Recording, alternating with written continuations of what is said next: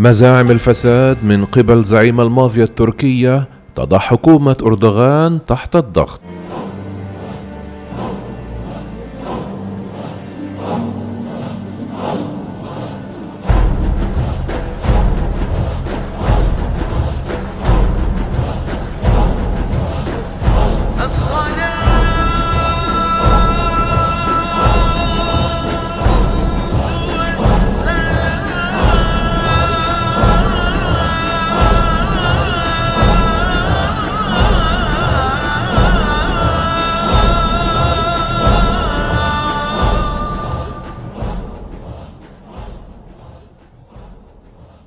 عرض مقاطع فيديو لرئيس مافيا تركي منفي لضغوط على أنقرة حيث أطلق مقطع الفيديو الأخير التابع له مزاعم خطيرة بشأن فساد الدولة التركية.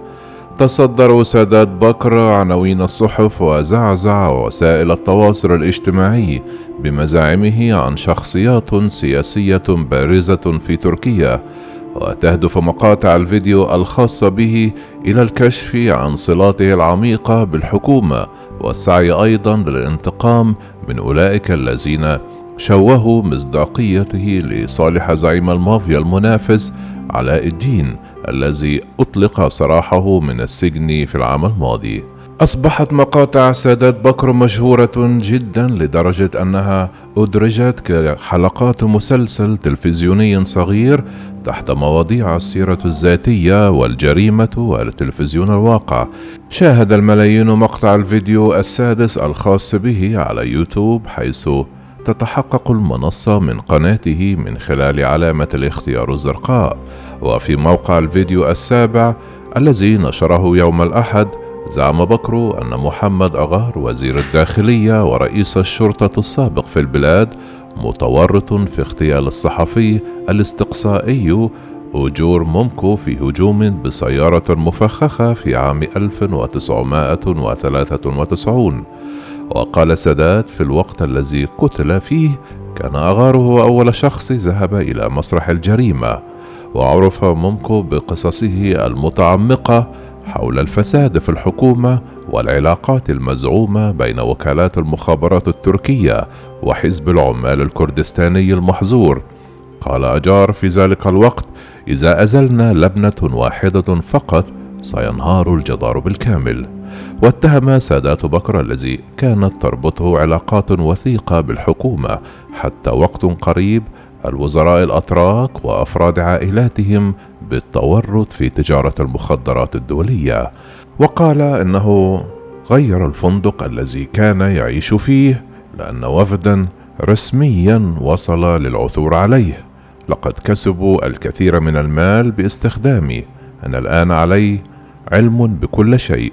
إنه عار حيث قال السادات لن يستخدمني أحد بعد الآن لمصالحه الخاصة. ومن بين ادعاءاته المفاجأة الأخرى أن أركان يلدريم نجل رئيس الوزراء التركي الأسبق قام بزيارات متكررة إلى فنزويلا لجعل الدولة الواقعة في أمريكا الجنوبية طريقا جديدا للمخدرات في تركيا. في العام الماضي أعلنت كولومبيا أنها صادرت 4.9 طنا من الكوكايين في عملية واحدة قبل توجهها إلى تركيا وذلك وفقا لبكر ودفعت هذه العملية الأتراك إلى تغيير مسار المخدرات وإيجاد بدائل من خلال الاستفادة من الممرات المربحة عبر فنزويلا. وذهب أركان دريم إلى فنزويلا في يناير ومكث هناك لمدة أربعة أيام ثم ذهب إلى هناك مرة أخرى في فبراير من شباط ومكث مرة أخرى لمدة أربعة أيام. لقد لجؤوا إلى فنزويلا. من السهل تهريبها من كولومبيا إلى هناك لأن وكالة مكافحة المخدرات ليس لديها ضوابط هناك. كما أن موقع اللاذقية في سوريا لم يوضع تحت السيطرة الأمريكية. وقال إنه ستكون هناك في المستقبل أيضا شحنات مخدرات من الجمهورية الدومينيكية لأن سفن الشحن الجاف التي تحمل الكوكايين من فنزويلا يجب أن تتوقف عند هذا الحد في طريق الشحن الجديد. كما هدد وزير الداخلية التركي سليمان سويلو الذي انتقد زعيم المافيا وقال سادات بكر سأقلل من شأنك لدرجة أنك ستضع علبة من الكبريت. سوف أمشي معك بعد أن أضع سلسلة الكلب على رقبتك.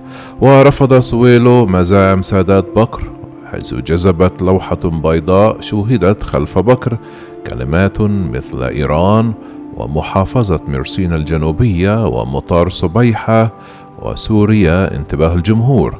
ومع ذلك بما أن سادات بكر لم يشر إليها فمن المعتقد أن إطلاق سراحه القادم سيركز على علاقات تركيا مع إيران فيما يتعلق بالنفط والأسلحة وغسيل الأموال.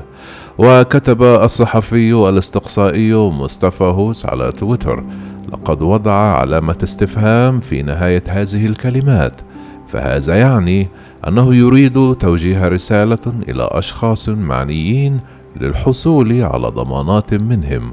وتم فصل صحفي في وكالة الأناضول التركية الحكومية بعد أن طرح أسئلة حاسمة على وزير الصناعة حول مزاعم سادات بكر الأخيرة حيث سأل الصحفي عما إذا كانت الحكومة تخطط للرد على المزاعم مشيرا إلى أن أسم سويلو أصبح مرتبطا بأخطاء أخلاقية خطيرة.